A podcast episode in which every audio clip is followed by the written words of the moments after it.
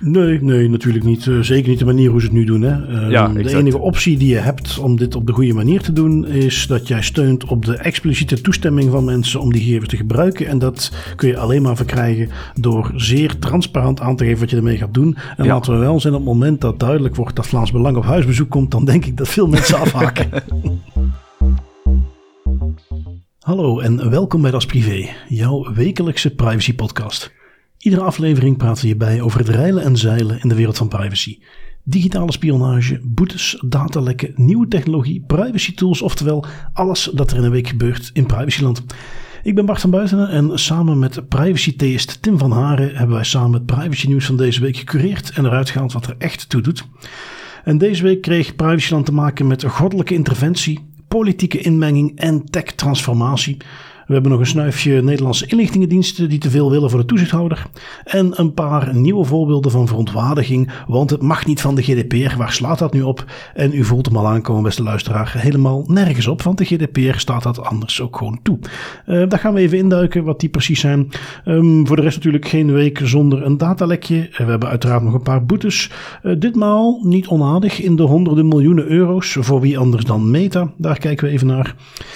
We vliegen erin, Tim, maar om eh, te starten wilde ik eventjes iets, eh, jouw mening over iets vragen. Ik ben nog eens tegen iets aangelopen. Iets waar ik ja, een beetje blijf hangen op twee gedachten. Eh, van aan de ene kant mensen die privacy bewust zijn, maar aan de andere kant de methode hoe ze dat uiten, daar, die, die volg ik niet helemaal.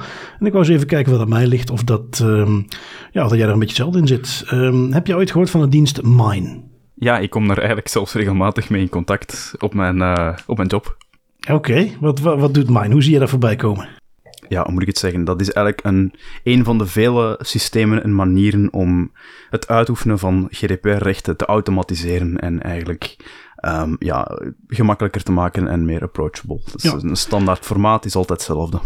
Nou, je- en je hebt dat automatiseren, dat zie je terugkomen op bijvoorbeeld de, de website van de Ministry of Privacy, waar zij het jou heel makkelijk maken met een soort standaard lijst, eh, formuliertjes, waar je gegevens op kunt vragen bij bepaalde organisaties.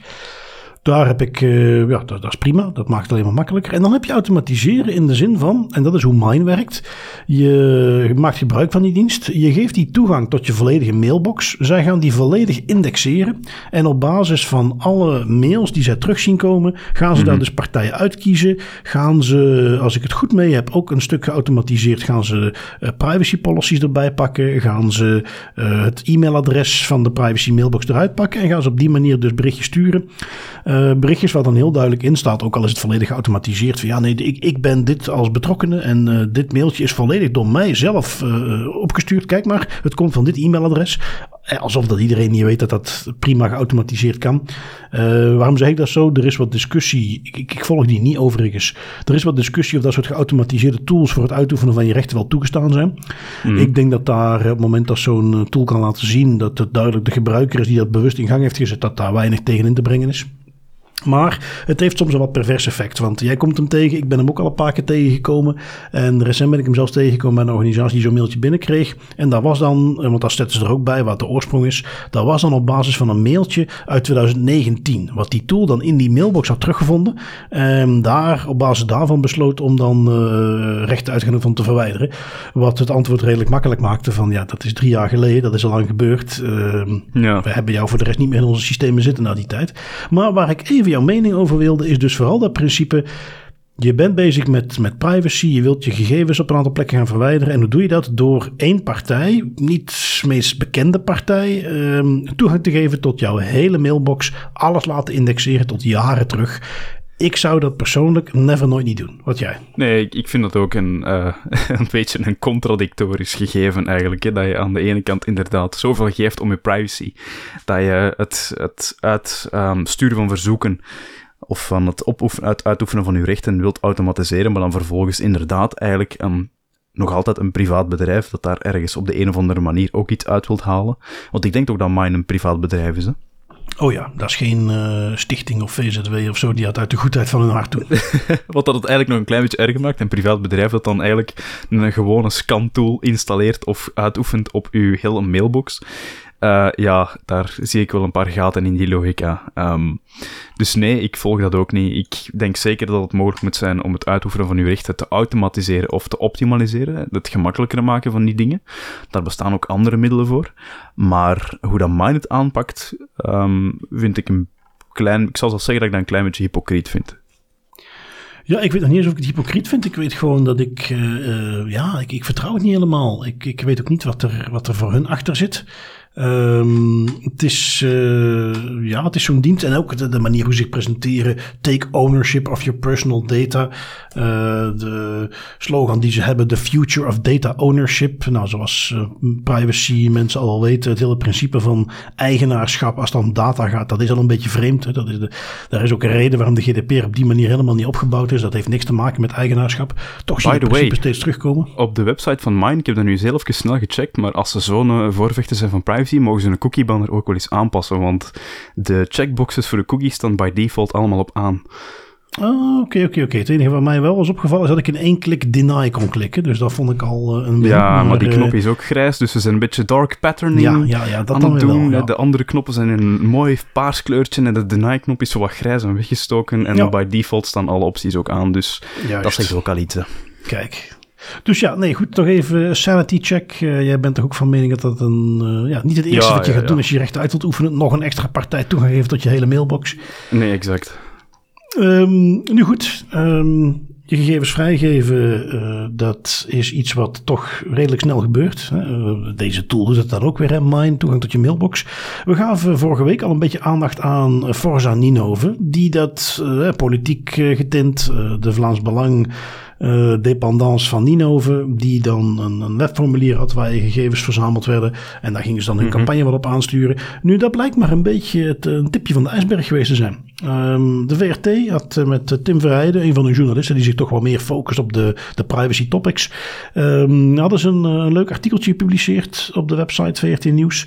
Um, dat ging over al de petities, al de online petities die partijen allemaal hebben. Ik was me er niet van bewust dat het er uh, zoveel zijn. Maar uh, al die partijen hebben dus petities. En Groen heeft dan een petitie om de patrijs te redden. Uh, eentje heeft het dan weer over het recht op abortus. Nog eentje heeft dan een petitie voor goedkoper tanken. Um, de ene zegt ja, we hebben 5000 handtekeningen nodig om iets te kunnen doen. De andere heeft er 150.000 nodig. Um, de ene zegt dat ze het vijf jaar bewaren. ik heb het artikel gehaald dat vooruit zelfs beweert dat ze die gegevens dan 30 jaar gaan bewaren.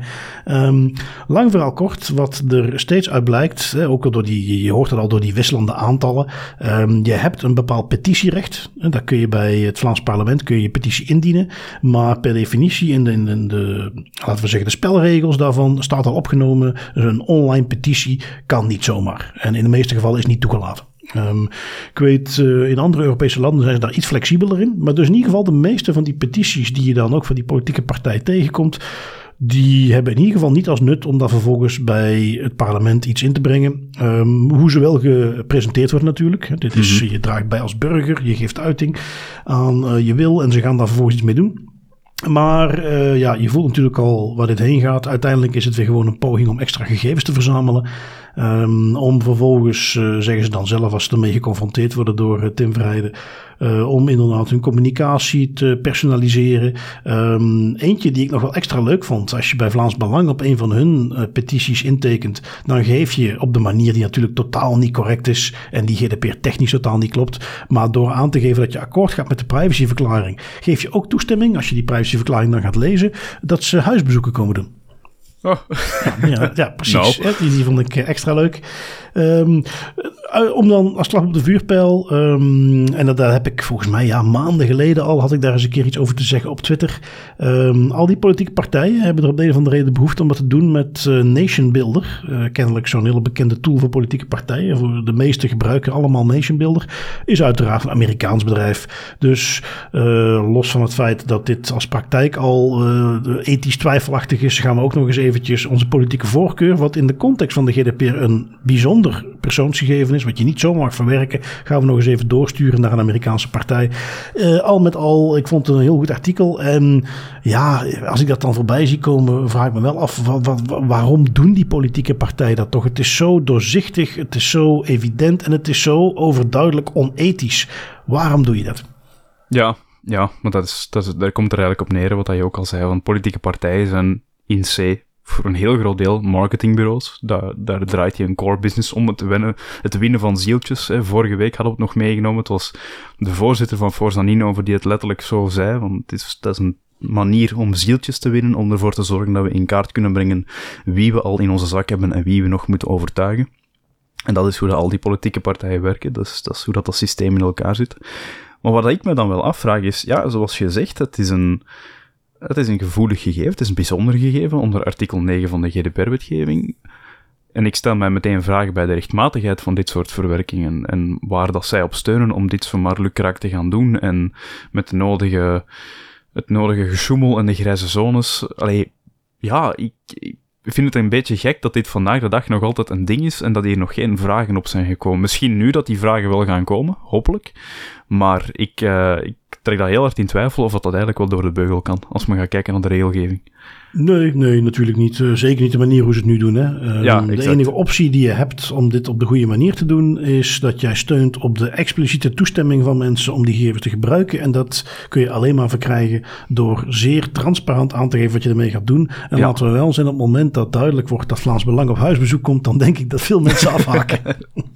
ik mag het hopen dat veel mensen dan ook afhaken. Nee, dat is gewoon ja, ik zeg het. Het is, het is heel moeilijk om te geloven dat dat nog altijd dat dat al zo lang een dingetje is. Zeker voor organisaties die zoveel investeren in social media.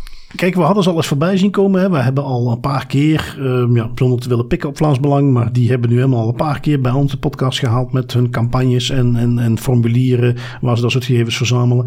Uh, en VA zal er vast ook wel een handje van hebben. Vooruit kwam uh, in het artikel ook voorbij.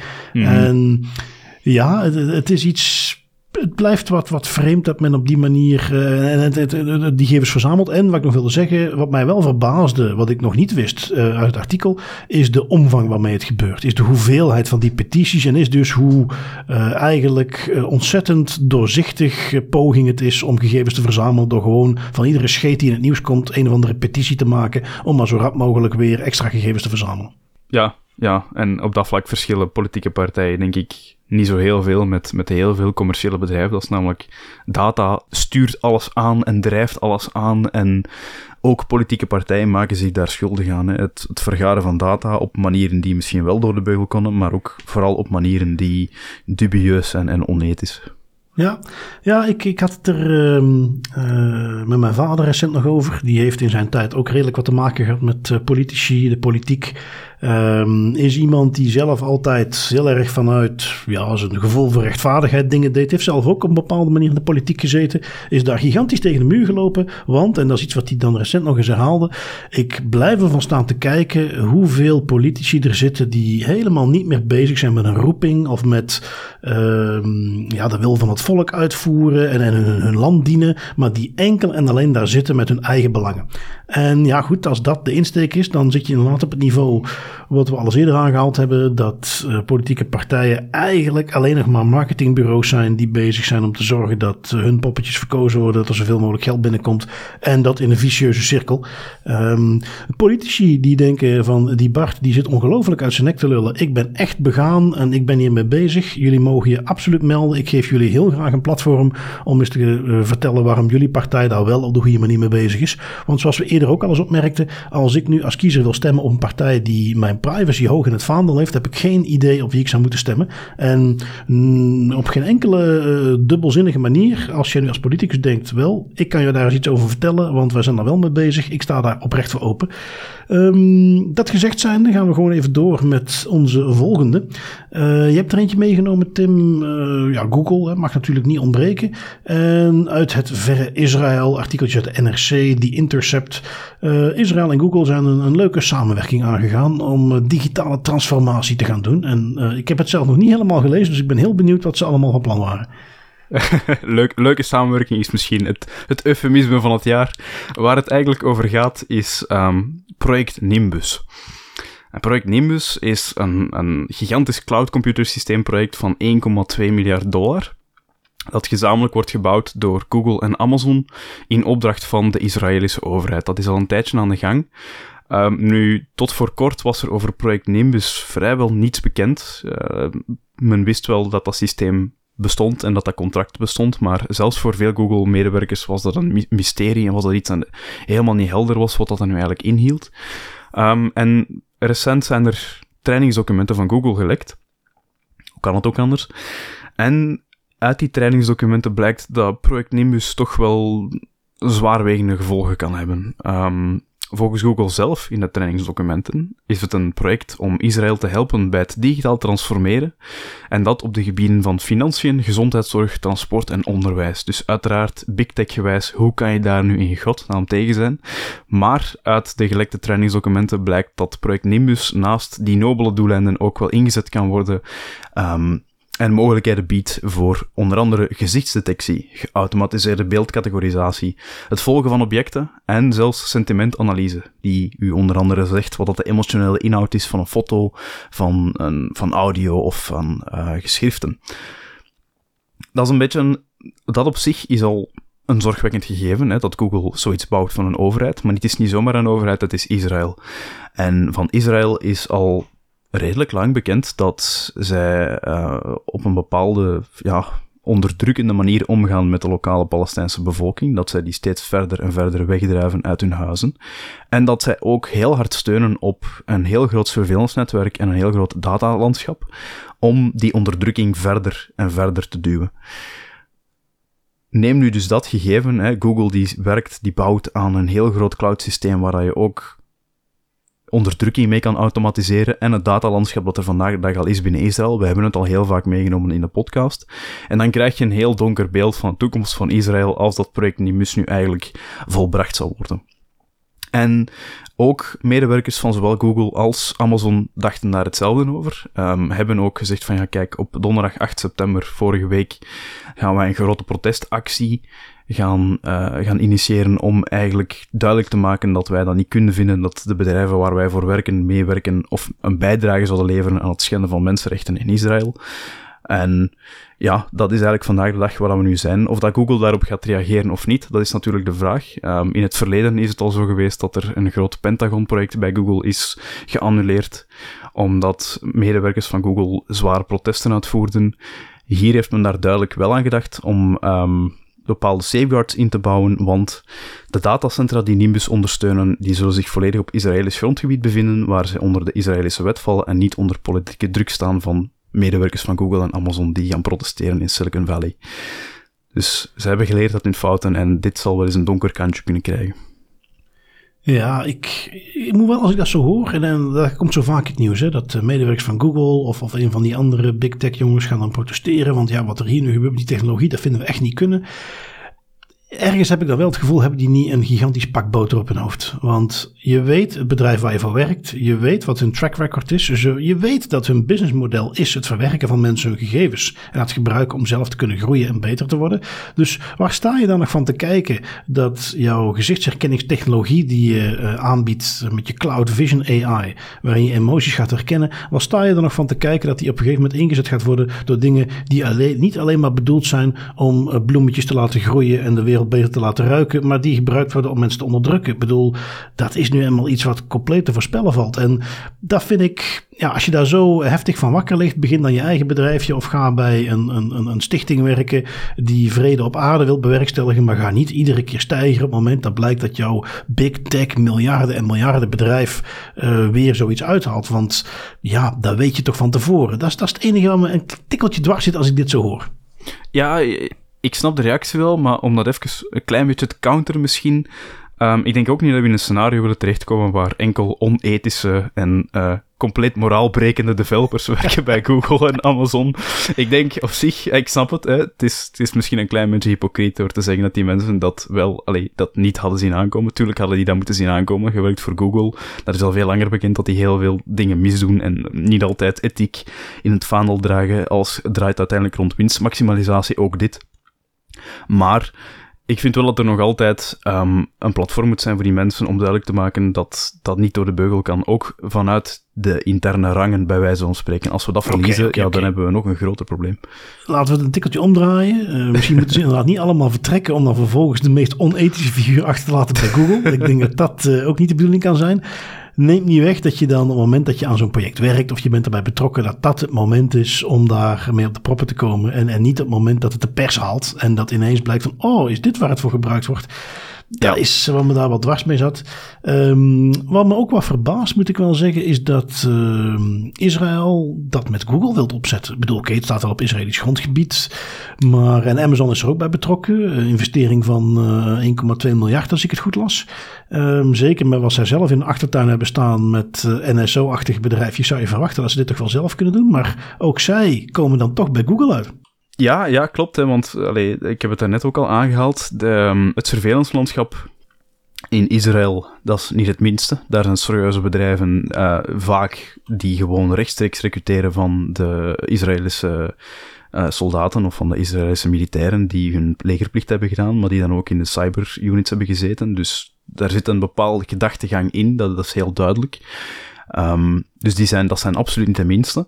Maar waar men in het artikel ook op ingaat, is dat wat Google en Amazon zo interessant maakt voor de Israëlische overheid is de schaalbaarheid. Is uh, de snelheid waarmee dat je datamodellen kan gaan trainen, waarmee dat je gezichtsherkenningsmodellen kan gaan trainen. Wat zij nu ook al doen, maar zij willen dat echt in een stroomversnelling brengen. Zij willen dat op een veel grotere schaal gaan doen om, ja, ze zeggen het niet, maar dat is wat ik eruit haal om um, het surveilleren van, van Palestijnen toch nog iets zwaarder en harder te maken en eigenlijk toch nog veel meer tot te gaan doen. Het gebruiken van die technologie om die mensen te onderdrukken. Los van wat dat Google en Israël zeggen, dat ze het uh, willen gaan gebruiken om een digitale transformatie van je welste te, te, voorzien. Als we kijken naar de technologie die gebruikt gaat worden en die mee ingenomen zit in het project Nimbus-contract, dan lijkt het me heel moeilijk dat het alleen gaat om roze, roze geur en maneschijn, maar ook ja, om het nee, onderdrukken nee, nee. van bepaalde bevolkingsgroepen. Nee, duidelijk, duidelijk. Dus, dus in die zin, alle uh, vermoedens van hypocrisie terzijde, is het zeer terecht dat men tegen protesteert. En ze hebben het al eens eerder gedaan. Hè? Ik, en dan kennelijk is dat toch iets wat bij Google niet gelukt is. Maar ik weet dat Microsoft en, en IBM waren dat geloof ik. Die hebben heel publiek aangekondigd. Oké, we gaan onze gezichtsherkenningstools voorlopig even stopzetten. Um, we gaan die niet meer verkopen. En nou, Google dan toch uh, kennelijk niet. Um, goed, gaan we door iets dichter bij huis. In uh, Schellebellen om precies te zijn. Een, uh, een, dorpje wat ik altijd een fantastische naam heb uh, gevonden. en in Schellebelle haalt dit keer het nieuws met een school die de GDPR-wetgeving uh, volgens eigen zeggen correct toepast. wat mag er namelijk niet meer in die school, het Schelleke in Schellebelle? Daar mag je geen uitnodigingen voor kinderfeestjes meer in de, meegeven aan kinderen om uit te delen. want ja, dat mag niet van de GDPR. Uh, dit kwam aan het licht door een Facebook-post van een verongelijkte moeder. die aangaf dat ze dat toch uh, echt niet, niet meer akkoord was. Dat ze dat een teken vindt van de vergaande juridisering van de maatschappij. Er wellicht volkomen ten onrechte vanuitgaand dat die school dat wel goed gezien zal hebben. en de wetgeving correct toepast. Um, maar ja, uiteraard klopt daar helemaal niks van. het hele idee dat je geen uitnodigingen mee zou mogen geven. Ja, ik, ik, snap, ik snap niet hoe je er ieder, überhaupt een link wil leggen met de GDPR. Al is het maar omdat op zo'n soort verwerking de GDPR niet eens van toepassing is. Want dat is namelijk volkomen in de persoonlijke sfeer, in de huishoudelijke sfeer, een kinderfeestje. Dus GDPR niet eens van toepassing. Maar zelfs al zou die van toepassing zijn, het feit dat jij uitnodigingen uitdeelt waar de namen van kinderen op staan, is iets wat echt wel de toets van de GDPR zou kunnen doorstaan. Um, nu goed, uh, vervolgens in het artikel moet ik er meteen bij zeggen, het was van het laatste nieuws, zijn ze daar ook wel even naar op onderzoek gegaan. Uh, ze hebben onder andere geprobeerd om de school te pakken te krijgen. En uh, ja goed, quote uit het artikel, de directie van de school in kwestie, het Belke uit Schellebellen, haakte in wanneer telefonisch gevraagd naar meer details.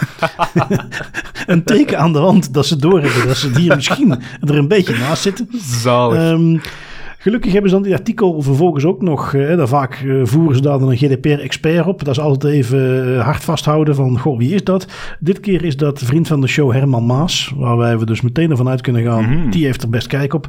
Die ja. ook aangeeft dat de GDPR hier uh, niks mee te maken heeft. Of laten we het zo zeggen, dat de reden om het niet te moeten doen veel kunnen zijn. Um, kennelijk is het een ding, uh, dat hoorde je, ze hebben op andere scholen nog wat rondgevraagd. Dat komt wel vaker voor. Dat sommige kinderen zich misschien buitengesloten voelen als ze geen kaartje krijgen en dat je daarom gevraagd wordt om het aan de schoolpoort te doen. En nu, ik weet niet hoe dat in jouw jeugd was, Tim, maar bij mij was een, een feestje, ja, dan mocht je er sowieso maar vijf of zes uitnodigen. Uh, ik mocht niet heel de klas uitnodigen, dus ja, inderdaad, per definitie was twee derde van de klas sowieso uitgesloten. Maar ik heb er toch nooit problemen mee gehad, uh, moet ik zeggen. Nee, nee, ik ben, ik ben er ook niet gebroken uitgekomen uit het lagere school. Uh, dat, was, dat was ook gewoon inderdaad, ja, oké, sommige kindjes komen, sommige kindjes komen niet. Nu, je kunt daarvan zeggen wat je wilt. Daar, dat, nee, het is geen parenting podcast. maar ik, ik, vind het, ik vind het gewoon fantastisch. Dat is zoveelste voorbeeld van een organisatie die, om heel eerlijk te zijn, niet weet waarover ze spreken. En dan met de vinger naar de GDPR wijst, omdat iemand ze dat heeft wijsgemaakt. En ja, dat is jammer voor uh, die, die school. Wat is het? Belke uit Schellebelle. Geweldige naam ook trouwens. Maar ja, ja dat is dus het, het jammer aan, aan zo'n organisaties die te weinig ondersteuning hebben op dit gebied en daardoor heel gemakkelijk foute beslissingen maken. Ja, en dit is niet uh, in, de, in de categorie van, uh, ja, maar de GDPR is zo complex en er zitten zoveel nuances in, het is soms nee, grijs gebied en, en wie weet wat het nu juist moet zijn. En ja, de ene zegt dit, nee, nee, nee. Dit is er eentje waar zelfs de mensen die het label GDPR-expert totaal niet waard zijn, ik er redelijk van overtuigd ben dat iedereen met een beetje basisopleiding hiervan zou gaan zeggen van, wow, dat moet toch wel kunnen. Um, dus... Zelfs de commentafdeling van HLN was het eens over het feit dat de GDPR-wetgeving hier niet van toepassing was. En dat is een oh. unicum, hè? dat de comments in HLN het ergens over eens zijn, dat gebeurt niet vaak. Oké, je hebt heb, heb, je ze erbij staan? Want uh, wat, voor, wat voor soort comments uh, kwamen er voorbij? Ah, nee, nee, nee, ik heb ze er niet bij staan, maar misschien ah, dat ik ze wel uh, heel snel eventjes kan bekijken. Nee, nee, helaas. Het zal voor een volgende keer zijn.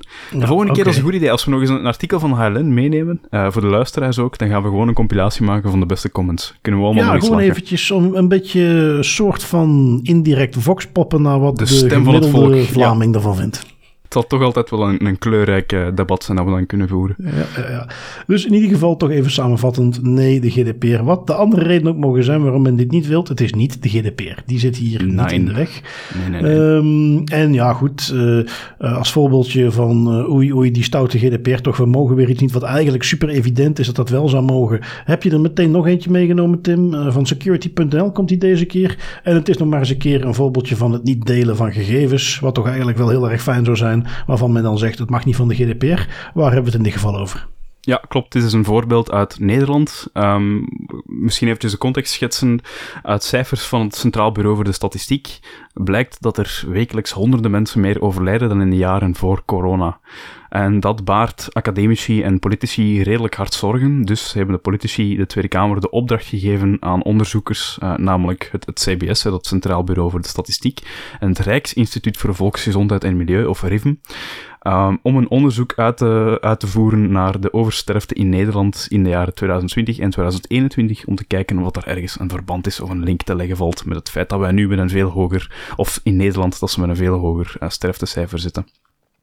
Er werd daarbij onder andere gekeken naar de doodsoorzaken van mensen die zijn overleden en hoe de impact van corona een mogelijke rol kan hebben gespeeld op de stijging die we nu zien. Um, en daar is een bepaalde conclusie uitgekomen. Nu, CBS en het Rijksinstituut voor Volksgezondheid en Milieu, dat zijn allebei overheidsorganisaties in Nederland. En um, er is een, een, een onderzoeksfinancier, Zon en Mee, die het moeilijk kon vinden met de conclusies die getrokken waren in het originele onderzoek en die besloot om een nieuw onafhankelijk academisch onderzoek naar de oversterfte in te laten stellen. Door wetenschappers die niet verbonden zijn aan het eh, RIVM of het CBS of de overheid. En die wetenschappers die willen namelijk dus ook gegevens over wie dat er gevaccineerd is, wie positief test op corona en wie dat er overleed. Maar, en dat is dat obstakel, het RIVM en de GGD, uh, eh, de gemeentelijke gezondheidsdiensten die die cijfers hebben, die zeggen namelijk, ja, sorry jongens, allee, leuk dat jullie een onafhankelijk onderzoek willen instellen, maar wij kunnen jullie die gegevens absoluut niet delen of geven vanwege de GDPR. Die zegt dat wij dat niet mogen doen. En dat is waar we dus nu vandaag de dag zitten. Weer al een organisatie die met de vinger wijst naar GDPR en die zegt wij mogen iets niet doen, want GDPR zegt dat dat niet mag. Um, dus op dat moment, op dit moment, kunnen onafhankelijke wetenschappers de uitkomsten van het onderzoek van het CBS en RIVM niet controleren, zo gezegd door de GDPR-wetgeving, en ja, daar heb ik wel een paar vraagtekens bij. Ik snap best de nood om onderzoek controleerbaar, repliceerbaar en onafhankelijk te maken, van, van die onafhankelijke onderzoeksfinancierder. Um, ik vind dat belangrijk, onderzoek moet je altijd kunnen toetsen, een wetenschappelijk onderzoek moet bijna altijd hetzelfde resultaat geven, anders is het niet waar of is het onderzoek niet, niet goed gedaan. Maar ik snap dan ook tegelijkertijd, en tegelijkertijd langs de andere kant snap ik niet zo goed waarom het RIVM en de GGD de nodige datasets ja, in de eerste plaats niet kunnen anonimiseren.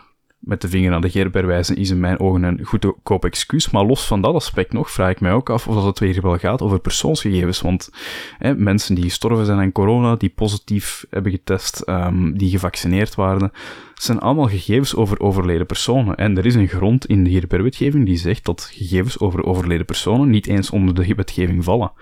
Dus dat is, ja, in mijn ogen iets wat ze ook hadden kunnen meenemen in een discussie, wat gewoon niet gebeurd is.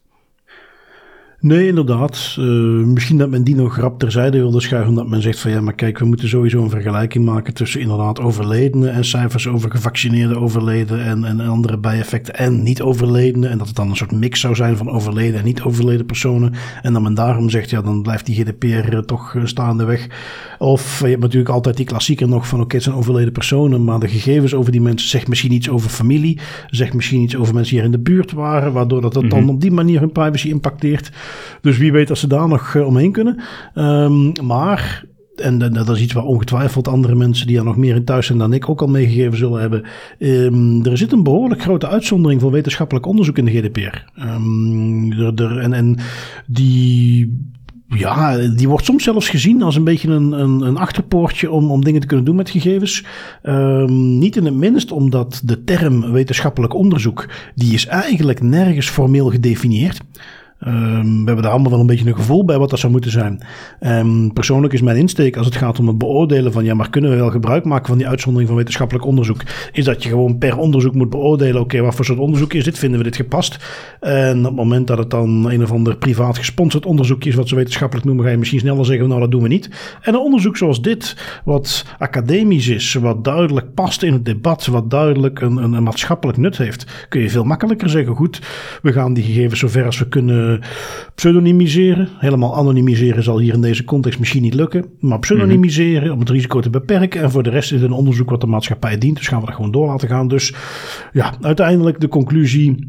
En ik zag die, ik weet niet wie het was, die ik hem terug zag eh, laten komen, maar waar wij ook al vaak genoeg gezegd hebben. Als je ergens een krantenartikel ziet staan waar staat dit en dit mag niet van de GDPR en dat is iets waarvan je zou zeggen van god, dat vind ik nou toch wel vreemd. Ga er dan maar rustig vanuit dat het niet de GDPR is die het probleem is, maar er zal ongetwijfeld ergens een probleem zijn, maar dat het van de GDPR niet mag is sowieso uh, onjuist.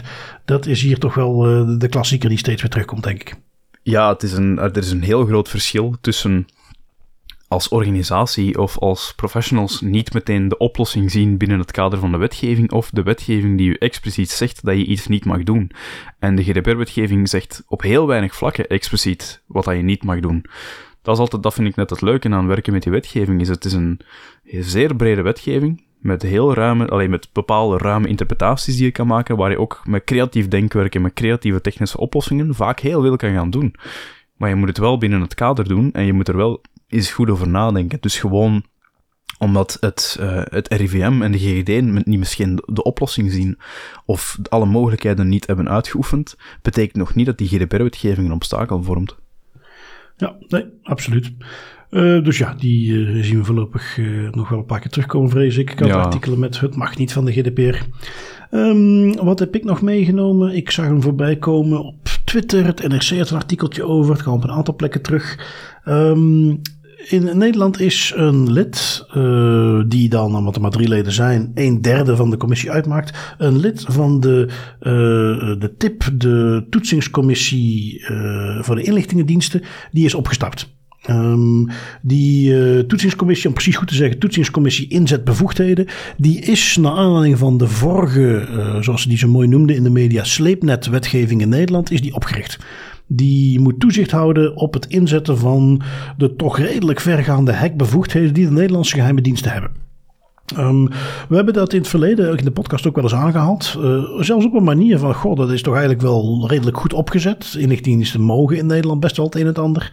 Dan heb je dus die, die tip, die toetsingscommissie, die op het moment dat er bepaalde vergaande um, hacks willen gebeuren of afluisteractiviteiten, monitoringactiviteiten, dan moet dat voorbij de tip passeren. En ja, dat is uh, iets wat de inlichtingendiensten, de AIVD en de MIVD al, lang dwars zit. Uh, die vinden dat ze veel te vaak worden teruggefloten. Um, dat is nu een beetje tot een botsing gekomen omdat ze een, een, een soort spoedwet doorheen willen duwen die, uh, ik dacht volgende week dat uh, dat, dat lid aangaf, er doorheen geduwd gaat worden. En daarmee heeft Bert Hubert, dat is de naam van het lid wat dus opstapt, Bert Hubert heeft besloten, ik kan beter nu opstappen en dan vervolgens de publiciteit zoeken om dit tegen te houden. Want anders, als ik dat binnen de tip blijf doen, ja, als je in de tip zit, ga ik ervan uit dat je natuurlijk ook gebonden bent aan strenge geheimhoudingsvereisten. Kun je niet zomaar naar buiten treden. Um, hij heeft er dus voor gekozen om dan maar niet meer in die tip te zitten. Iets wat ik, ik, volg die man al een tijdje. Die zit veel op Twitter. Die doet heel veel dingen wat hij volgens mij heel graag deed. Um, is een technisch lid, is dus geen jurist of academicus. Is iemand die ook echt in de IT-wereld zijn sporen verdiend heeft. Um, heeft uh, destijds Power DNS opgericht. Misschien niet de meest bekende tool, maar iets waar een heel groot deel van de backbone van het internet op draait. Omdat die heel veel DNS-gerelateerde activiteiten regelt. DNS wel bekend van de technologie die het mogelijk maakt, of het protocol wat het mogelijk maakt. Dat jij gewoon www.dasprivé.be kunt intikken en niet het IP-adres van de server waar het op draait. Dus uh, echt ja, de backbone van het internet. Nou, daar hij bij betrokken. Um, heel recent hebben we hem ook in de podcast nog eens voorbij laten komen. Omdat hij de zogenaamde Google-teller had gemaakt. Die had een klein toeltje gemaakt. Wat zodra er ergens op jouw computer iets contact zocht met de service van Google. Dan kreeg je een alert. Um, dus een heel leuk dingetje. En dus echt wel iemand die uh, met de voeten in de modder staat. Die heel goed weet wat er speelt. Um, ja, die heeft dus nu besloten om op te stappen. Om aandacht te vragen voor het probleem. Wat die nieuwe wet met zich mee zou brengen. Wat houdt dat bijvoorbeeld in? Uh, een van de dingen die in de, de wetgeving nu staat. Als ze een, een afluister- of hackactie willen doen. Is dat dat zo gericht mogelijk moet zijn. Als ze gaan aftappen. Um, ja, dat zo gericht mogelijk betekent dus. Je mag niet onnodig breed. Een hele wijk of op een andere manier veel te breed mensen gaan afluisteren. Dat is iets wat die nieuwe wet zou schrappen. Dat het hele criterium zo gericht mogelijk zou wegvallen. Um, geautomatiseerde data-analyse wordt mogelijk. Zonder dat ze dat van tevoren getoetst hebben. Via bijvoorbeeld de tip. Um, ongericht dus het internetverkeer kunnen aftappen zonder dat er van tevoren bekend doelwitten of selecties worden aangebracht. Dus echt een beetje hetgene wat Europa de Amerikanen al tijdenlang verwijt, waarom ook veel van die Europese frameworks uh, worden afgeschoten. Dat is dus wat uh, zij nu willen doen. Hubert vat het eigenlijk zelf al samen. Eigenlijk zeggen ze, we willen niet meer hoeven uitleggen waarom we internetverkeer aftappen. Nou, en dat is uh, ja, iets wat hem dermate in zijn wiek geschoten is, dat hij zei, ik kan beter opstappen en hier aandacht voor gaan vragen dan dan blijven zitten. En uh, ja, ik moet zeggen, dat vind ik heel integer. Dat vind ik heel in stijl met hoe hij zich ook presenteert. Dat is iets wat je te weinig ziet op dat soort posities. Dus ja, heel interessant. En natuurlijk ook zeker interessant om te weten of, of hij gaat bereiken wat hij wil. Namelijk dat die spoedwet er niet doorkomt. Mm. Ja, het is een het zal een groot verlies zijn voor de tip. En ik hoop oprecht, um, dat wens ik hem van harte toe, dat het, het signaal dat hij eigenlijk wilt uitsturen met zijn, met zijn vertrek, dat dat bij de juiste oor komt en dat dat ook een wezenlijk verschil gaat maken. Want dat is uiteindelijk wat we hier denk ik ook nodig hebben. Dat is ook iets interessants wat hij nog aangaf in een van de artikels waar het over ging. Um, is het feit dat door de, de shift van de toetsing van proactief, van, van voor de feiten naar na de feiten, dus die, die, uh, die inlichtingendiensten die kunnen binnenkort met die nieuwe wetgeving een hele hoop acties gaan uitvoeren voordat er een toetsing gebeurt. En de toetsing die moet eigenlijk gebeuren nadat die actie al wordt uitgevoerd of is uitgevoerd. Die zou ook een hele grote bottleneck creëren bij de tip. Omdat men eigenlijk ja, die, die men, kan het, men moet het eigenlijk achteraf pas gaan toetsen. Dus die inlichtingendiensten die kunnen hun activiteiten al uitvoeren potentieel niet altijd even correct of altijd even binnen het kader van de regelgeving. En men gaat dat eigenlijk pas veel te laat achteraf merken, omdat men een hele grote instroom heeft van zaken die men op dat moment moet gaan toetsen. En ja, als je het al zelf al zegt, de tip die bestaat uit drie man. Allee, er zal waarschijnlijk nog andere mensen ook aanwezig zijn, maar, maar als het een driekoppig team is, ja, dan, dan is zo'n bottleneck niet uitgesloten en denk ik wel een vrij realistisch toekomstbeeld. En dat is niet iets wat je wilt, denk ik, dat een toetsingscommissie um, te weinig tijd heeft om bepaalde zaken te gaan toetsen, waardoor dingen door de mazen van het net glippen. Nee, Nee, absoluut niet. En uh, het blijft dus iets, want ik, weet dat wij in het verleden nog wel eens, uh, ik gaf het al aan, aanhaalden van gozer daar geregeld hebben rond inlichting, is best oké, maar je ziet dat er nu toch op alle kanten op geschoten wordt. En dat het onder vuur ligt, uh, dat men dat wilt uh, afbreken. Dus ja, dat wordt heel interessant om te volgen. En, en, en zeker ook of uh, Bert Hubert dan met zijn actie het, het, gewenste effect bereikt, namelijk dat het er niet doorkomt. Um, wat hebben we nog van The Guardian? Jij hebt, zoals dan zo mooi heet, een Thank God for GDPR GDPR-momentje meegekregen op het moment dat je een artikeltje las bij The Guardian. Ehm, iets met kinderen, scholen, vingerafdrukken, alle ingrediënten voor een mooie Thank God for GDPR. Wat was er aan de hand? Ja, ja, inderdaad. Hier in, uh, in Australië hebben ze een klein beetje divine intervention nodig, denk ik. Want wat is er aan de hand? De Moorebank High School in Sydney, die kampt al een tijdje met vandalisme in de toiletten en leerlingen die te lang op de gangen rondlopen. En wat dacht die high school? Oké, we hebben een aantal opties op tafel liggen, maar eentje die springt er nu toch echt wel uit. Namelijk vingerafdrukscanners op de deur van het toilet monteren. Of course, het kan ook niet anders paar dingen die we daarover kunnen zeggen, los van het feit dat dat al, ah ja, je voelt dat al aankomen, vingerafdrukscanners op de deur van het toilet. Dus je kan enkel naar het toilet gaan als je vingerafdruk afstaat. Uh, dat is niet zo tof, zeker niet in het kader van een school waar kinderen rondlopen. Dat is misschien een klein beetje overkill. Los van dat feit, de school die schiet meteen in de verdediging, want uiteraard zijn er ook in Australië een aantal privacy professionals die zeggen, jongens, dit is buitenproportioneel en dit kan niet door de beugel. Maar die school die schiet in de verdediging en die zegt, ja, ja, kijk, het is oké. Um, we snappen het, maar het is niet verplicht. Je kunt ook de toegangsbadge voor het toilet gaan vragen op het secretariaat. Ja, dat lijkt mij ook geen waardig alternatief. Elke keer als je naar het toilet moet gaan, dat je dan naar het secretariaat eerst moet lopen. Uh, zeker als het dringend is, om dan te vragen, mag ik alsjeblieft de toegangsbadge? Uiteraard zal er waarschijnlijk maar één toegangsbadge zijn, dus dan kun je nog wachten op degene die de toegangsbadge voor u heeft gekregen. En ze zullen het zeker zo goed uitgelegd hebben, want bijna alle duizend studenten gaven, ondanks het feit dat de, de mijn toegangsbadge ook de, de toiletten binnen kan, gaven die toch allemaal hun vingerafdrukken af. Alsof dat dan nog niet genoeg is, de school heeft nog een ander punt ter verdediging. Ze zeggen namelijk, ja, kijk, um, we hebben hier twee jaar over nagedacht met de, de community focus groep, zoals het heet, van de school. Dus twee jaar hebben ze erover gedaan om tot de beslissing te komen dat vingerafdrukscanners op de deur een goed idee is. En ze zeggen, ja, maar we bewaren de vingerafdruk eigenlijk niet. We bewaren, bewaren een alfanumerieke representatie van de vingerafdruk. Die vingerafdruktechnologie um, werkt vaak zo. Is, het is ook idealiter zo opgesteld dat je niet de echte vingerafdruk, de scan van je vinger, gaat bijhouden, maar dat je eigenlijk een numerieke representatie van de, zo heet dat dan, de minutia van een vingerafdruk gaat bijhouden. Hè? De karakteristieke eigenschap die je vingerafdruk uniek maakt. En dat je daar een, een soort code van gaat maken ze zeggen, oké, ja, daar wordt een alfanumerieke representatie van gemaakt, dus het is niet de vingerafdruk. En de informatie, die alfanumerieke waarde, die wordt offsite bijgehouden, dus hoogstwaarschijnlijk in de cloud dat, stelt me helemaal niet gerust. Hè. Een alfanumerieke representatie van je vingerafdruk blijft nog altijd een bijzonder gevoelig gegeven. We gaan hier nog altijd over een unieke identificator van een vingerafdruk. En het is ook niet een fantastisch idee dat je dat dan ook in een cloud gaat zetten waar je geen verantwoordelijkheid of controle over hebt. Dus ja, kort gezegd, inderdaad, een thank out voor GDPR moment, want hier zijn zoveel dingen waar de GDPR-wetgeving meteen al een issue van zou maken. Ja, dat, uh, dat denk ik ook wel. We hebben het hier over een gevoelige categorie, namelijk kinderen. We hebben het hier over een bijzondere categorie aan gegeven, namelijk biometrisch gegeven. En we hebben het over een toestemming die geen echte toestemming is. Want als ik me even voorstel dat je dat aan uh, de toch uh, mogelijk zelfs een iets wat onzekere tiener moet vragen. En je geeft ze mee van, kijk, je hebt de keuze. Of jij kunt met een droog broekje naar de wc gaan als je heel nodig moet, want je gebruikt gewoon je vingerafdruk. Of jij moet helemaal naar het kantoor lopen, een kaartje halen, hopen dat het kaartje vrij is, teruglopen naar de wc. Ja, met alle gevolgen van die. Geef je toestemming voor je vingerafdruk? Ja, gok is wat ze dan gaan antwoorden. Exact. Dus nee. Lijkt me niet ook de definitie van uh, vrijgegeven toestemming. Nu goed, dat is een GDPR-definitie die natuurlijk in Australië minder relevant is. Desalniettemin denk ik dat je inderdaad zelfs zonder GDPR wel kunt bedenken dat dit niet de bedoeling is. Dus ik, uh, ik weet niet of het artikel er iets over zei. Gaan ze dit er nu uh, uitslopen of is het voorlopig nog actief? Voorlopig is het nog actief en de school houdt voet bij stuk en zegt: uh, Ja, kijk jongens, sorry, we snappen dat de privacy-experts kritiek hebben, maar we hebben hier twee jaar over nagedacht. In samenwerking met ouders, met de focusgroep, met andere stakeholders, met studenten, om tot deze fantastische oplossing te komen, waar we heel veel geld in hebben gestoken. Dus die gaan we natuurlijk blijven gebruiken.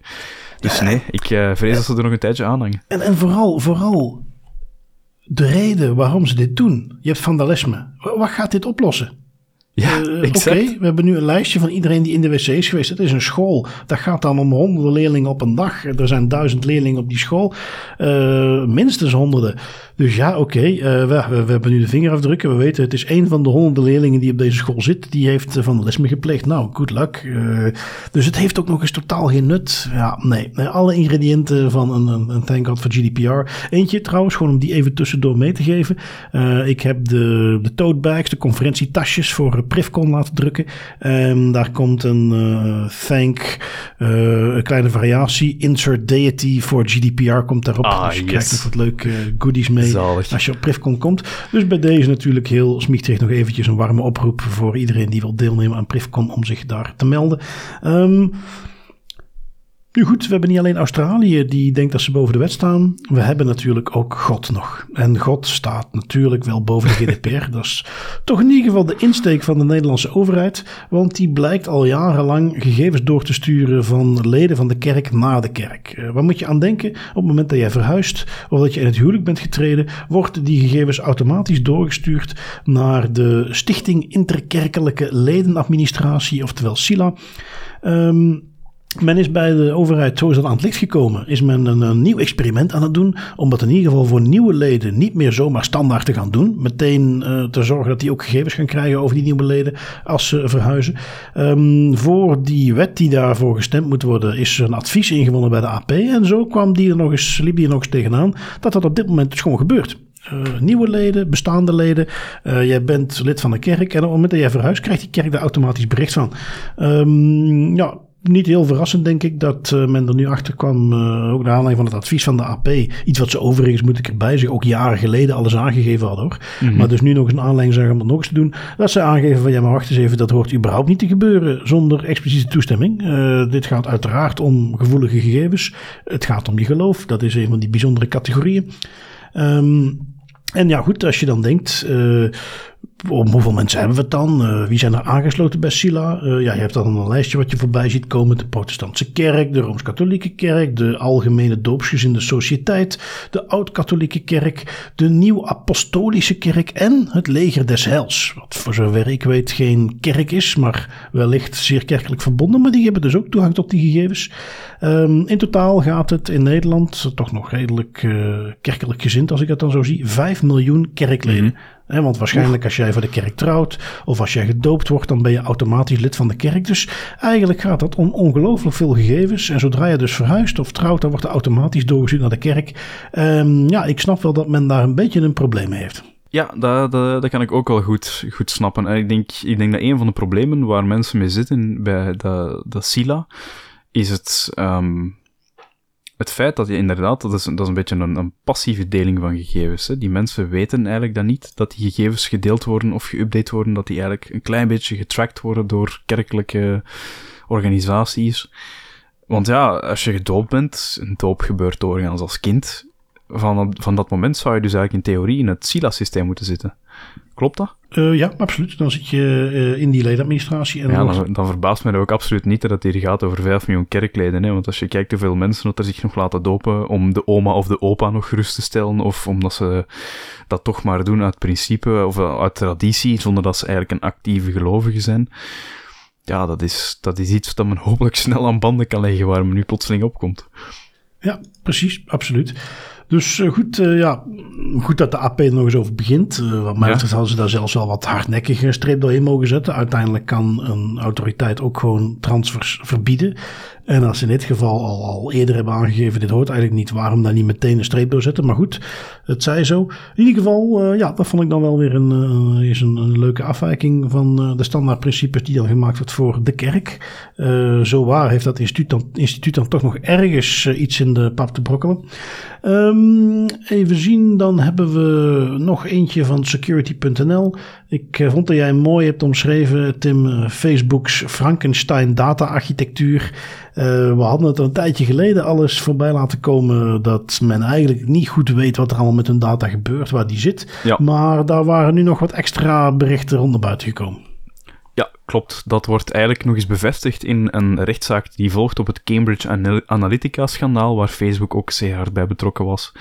Um, en waar het eigenlijk op neerkomt is, Facebook heeft geen exact idee waar alle persoonlijke gegevens van gebruikers die zij verwerken precies zijn opgeslagen. Um, de discussie over waar Facebook de data opslaat volgt in een zaak waarbij het bedrijf van de rechter eigenlijk alle verzamelde informatie over de, de eisers moest vrijgeven. En Facebook kwam na dat bevel vervolgens alleen met informatie die via de Download Your Information tool is te downloaden. Daar zit een hele hoop data in, maar niet alles van dat Facebook eigenlijk over jou heeft. Um, Facebook's redenering was, eh, kijk, ja, de Download Your Information Tool, alle informatie dat daaruit stroomt uit die tool, is relevant voor de rechtszaak, al de rest niet. De rechter was het daar niet mee eens, wees het bedrijf daarop terecht en stelde dat eigenlijk meer informatie moet geven over het, het apparaat, het systeem waarmee het miljarden mensen op het internet kan volgen. En er zijn ook twee Facebook-engineers aan het woord geweest, die eigenlijk, ik kan het niet anders omschrijven, maar heel hard op de rooster zijn gelegd door een aantal experts in die rechtbank. Um, en die Facebook-engineers moesten het proces, in het proces duidelijkheid verschaffen. Um, maar stelden op een bepaald moment zelf met hun mond vol tanden, ja, de, de dataverwerking is zo complex dat ook zij en eigenlijk iedereen binnen Facebook, binnen het bedrijf, niet goed begrijpt hoe dat, dat in elkaar zit en hoe dat, dat eigenlijk allemaal in zijn werk gaat en waar dat de data allemaal zit. Um, de door de rechtbank aangestelde expert, ja, die had daar uiteraard de nodige moeite mee, dat kan ik me heel goed voorstellen. En die zegt, ja, iemand moet toch ergens op een bepaald niveau in een organisatie zoals Facebook een, een data-architectuur-diagram hebben van waar dat die data overal is opgeslagen. Um, waarop dan een van de engineers, Lukraak, antwoordt van, ja, kijk, um, de aparte engineercultuur heeft ervoor gezorgd dat ja, er geen uniform eh, ontwerpdocument is of geen diagram van de data-architectuur. En hij voerde daar nog de geweldige zin aan toe. voor wat het waard is, dit was voor mij ook beangstigend toen ik begon bij Facebook. Wat denk ik ook al heel veel zegt. Als zelfs de engineers niet meer weten waar ze allemaal mee bezig zijn, omdat het zo'n gigantisch gedrocht is geworden. Ja, dan, dan hebben we denk ik ook wel genoeg gezegd. Ja, en je ziet daar die klassieke dooddoener voorbij komen. Ik, ik, ik heb redelijk wat gewerkt bij softwarebedrijfjes en daar heb ik die ook wel eens mogen horen. Van, uh, waar waren ze documentatie dan? Ja, nee, dat zit in de code.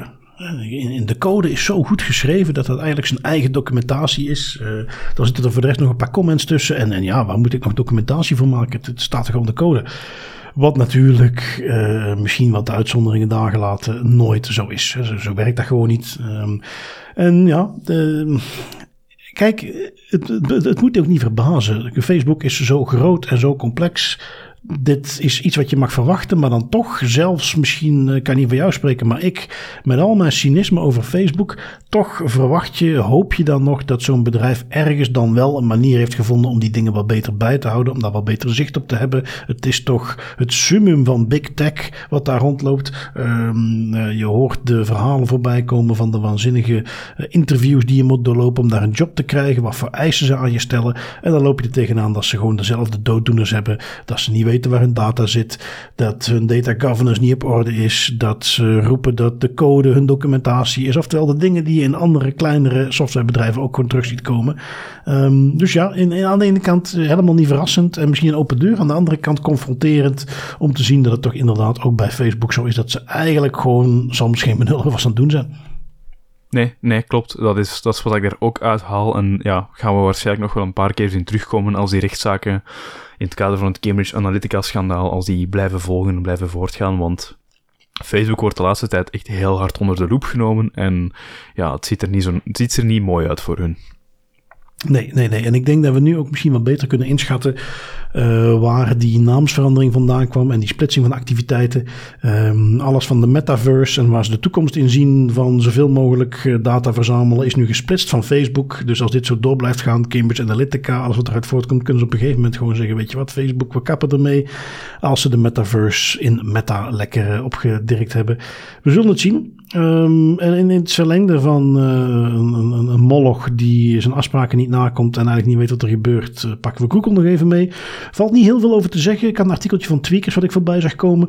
Um, meer een soort update. Um, een hele tijd geleden alweer was er door de Nederlandse overheid, uh, of in opdracht van de Nederlandse overheid, een DPIA uitgevoerd op het Google Workplace omgeving. En, en, om eens te kijken, wat doen ze met die gegevens, waar gaan die heen, wat voor risico's zien we eigenlijk. En niet verrassend kwam daar een lijstje uit met een heleboel hoge risico's, waarbij men dus eigenlijk concludeerde, um, op dit moment kunnen scholen geen gebruik maken van Google Workplace, voor education heet het geloof ik, want uh, daar zitten gewoon te veel fouten in ten aanzien van de GDPR-wetgeving, risico's voor de, de kinderen.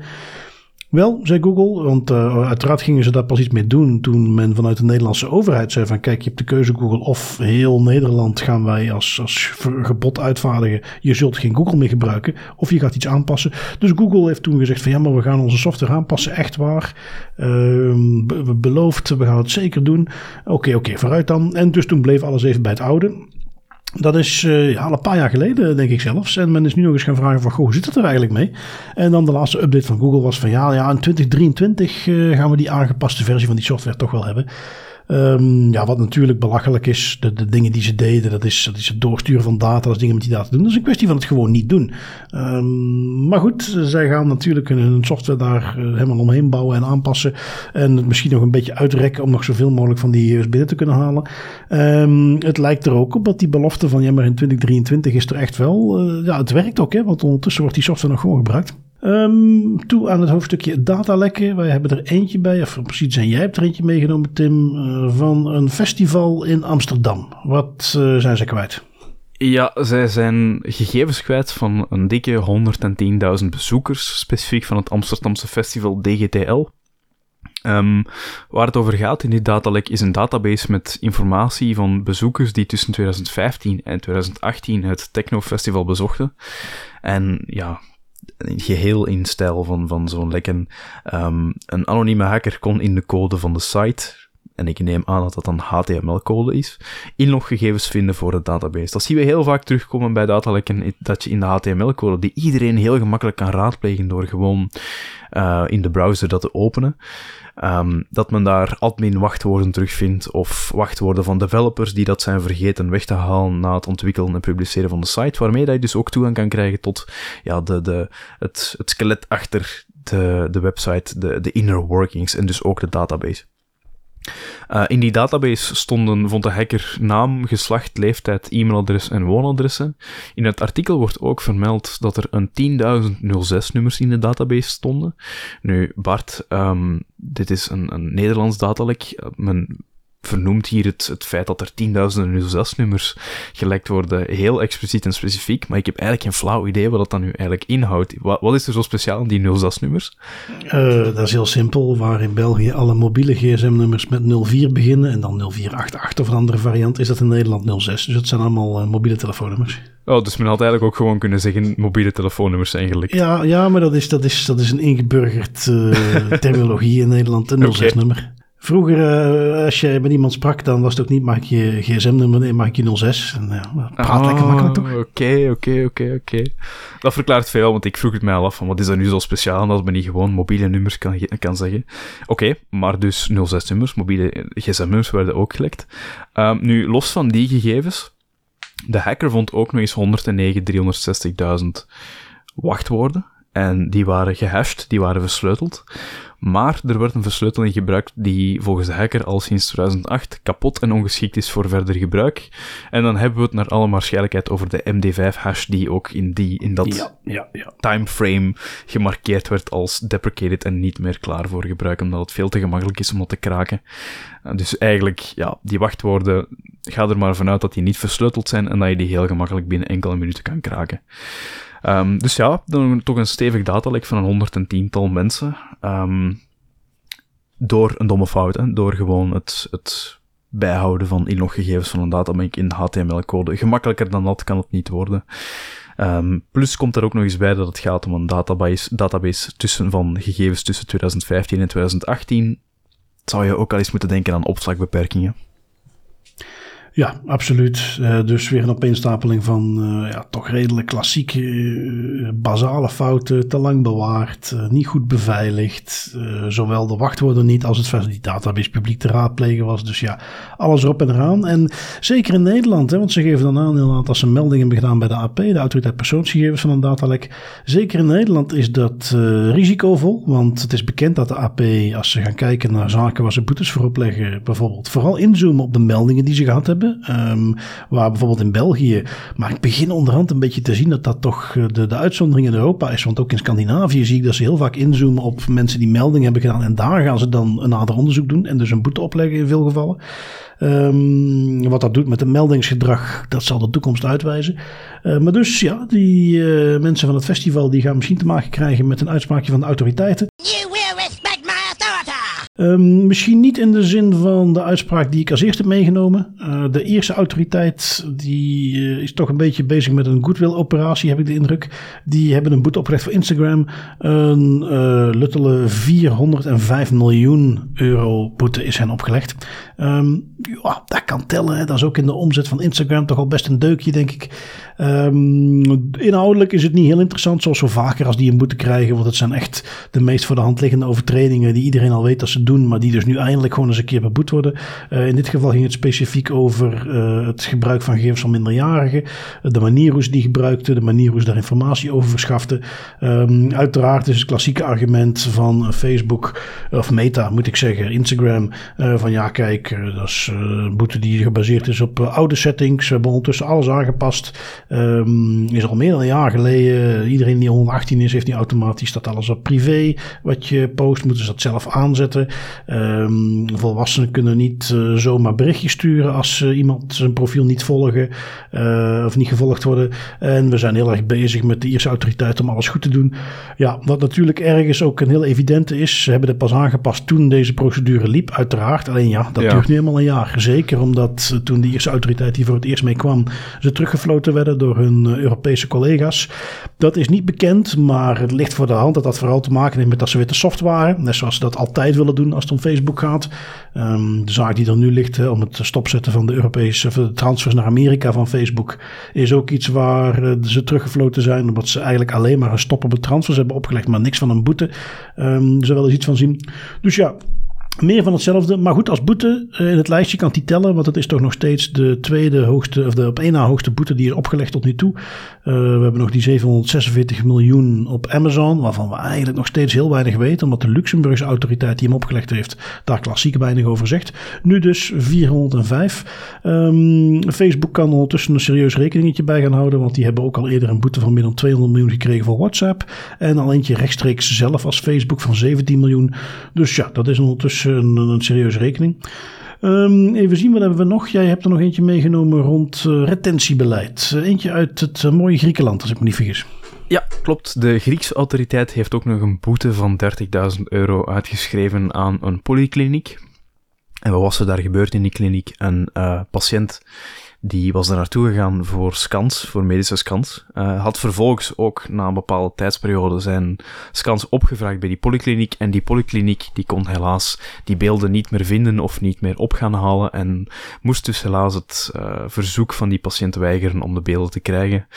Patiënt is daarmee naar de DPA gestapt, naar de gegevensbeschermingsautoriteit van Griekenland. En die vond natuurlijk, ja, dat de kliniek betere opslagfaciliteiten had moeten voorzien.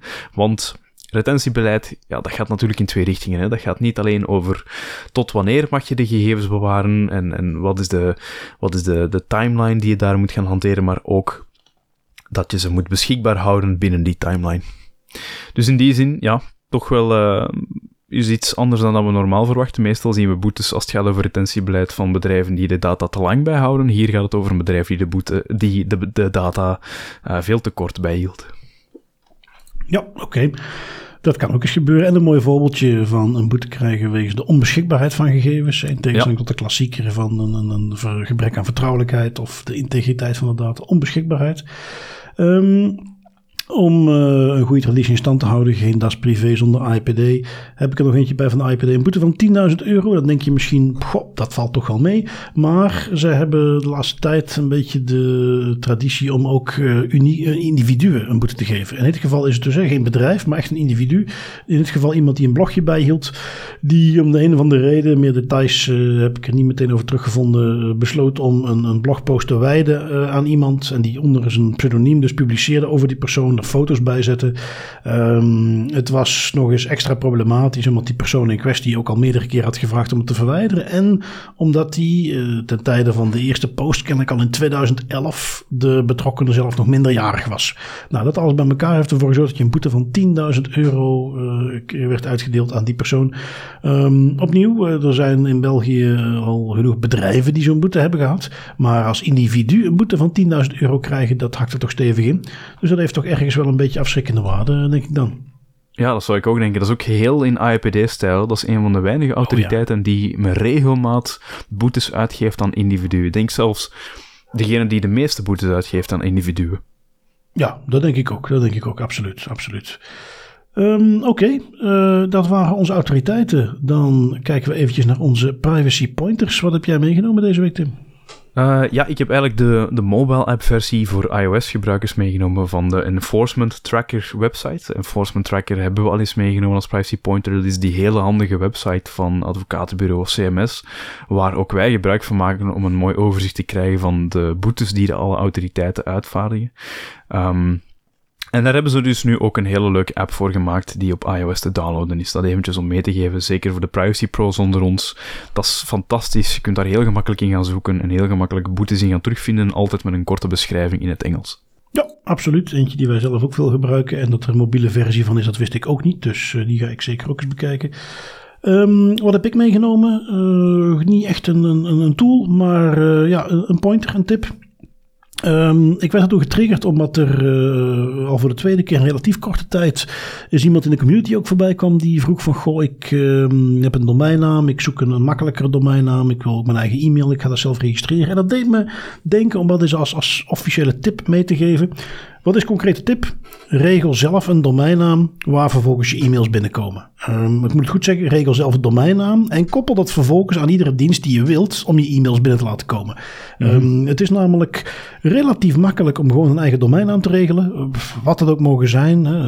Bartje.be is jouw domeinnaam, je registreert die en vervolgens kun jij zelfs als je dat zou willen bij Google, bij Microsoft of bij ieder andere provider, kun je dan aangeven dit is waar mijn mails moeten binnenkomen. Jullie regelen het mailgedeelte. Bij de partij waar je je domeinnaam geregistreerd hebt, bijvoorbeeld een Combel, geef je gewoon op een setting ergens in van hey, het zijn de servers van Google waar je mijn mails moet laten binnenkomen. En dan gebeurt het voor de rest automatisch. Het grote voordeel daaraan is het voorbeeldje wat we ook vorige week meegaven van die persoon die alles bij Google had zitten en die ineens de toegang kwijtraakte omdat Google besloot dat uh, hij kindermisbruikmateriaal had. Um, als het zou gebeuren ben je nog steeds je data kwijt als het bij Google gebeurt. Maar je kunt wel heel makkelijk gewoon naar een andere dienst overstappen. En vervolgens aan je hosting provider pakken Combel zeggen van goh, vanaf nu is geen Google meer, maar die provider waar je al mijn mail heen moet sturen. En dat zorgt ervoor dat je nog steeds wel je data kwijt kunt raken. Maar dat bijvoorbeeld de klassieker, alle accounts waar je bij geregistreerd bent en waar jouw e-mailadres de recovery is. Ja, dat hoef je niet kwijt te zijn. Mensen kunnen jou blijven mailen, je blijft bereikbaar. Dus dat als simpele tip. Um, om dat ook eens naar te gaan kijken, ook, ook voor mensen die wat minder tech-savvy zijn, dat is eigenlijk best goed te doen. En wat ik hem voor de rest nog meegeef, is dat je daar bijvoorbeeld ook een hele makkelijke domeinnaam kunt kiezen. Dat e-mailadres moet je toch heel vaak ingeven en aan heel veel mensen geven. En bijvoorbeeld een domeinnaam zoals 894.be, heel makkelijk te zeggen, gewoon drie cijfertjes, is nog gewoon beschikbaar. Nou, ze zullen er ongetwijfeld nog meer zijn. Ik heb maar gewoon willekeurig iets ingetikt. Dus het is ook nog eens een hele uh, makkelijke manier. Iets wat in het dagelijks leven vaak genoeg voorkomt. En ik heb zelf ook zulke soort domeinen. Uh, dat wordt nog vaak genoeg door mensen ontvangen met van... Oh, oh wat apart. Uh, drie cijfers als domeinnaam. Goh, interessant. Dus het is nog een beetje cool ook. Dus uh, dat is dan mijn tip. Zowel uit privacy overwegingen, uit praktisch gemak. En voor de wow factor die je daar ook bij sommige mensen nog mee teweeg brengt. Een eigen domeinnaam regelen. En daar dan via de provider naar keuze e-mailadres aan koppelen. Dat is mijn privacy pointer voor deze week. Um, ja, dan zit onze aflevering er weer op, Tim. Het was de tweede na onze vakantie. Ik uh, kan alleen maar van mezelf spreken als ik zeg dat ik toch echt wel, voor zover het nodig was, hè, maar een hernieuwd enthousiasme enthousiasme heb. Ik vind het uh, toch weer een hele goede deze week. En uh, ja, ik uh, spreek jou ten laatste volgende week weer. Ja, inderdaad. hetzelfde gevoel hier. Je weet eigenlijk pas wat je mist als het er niet meer is. En dat is privé is toch altijd wel een, een moment van euforie elke week. Dus zeker tot volgende week. Tot volgende week. Ook aan onze luisteraars. Tot volgende week.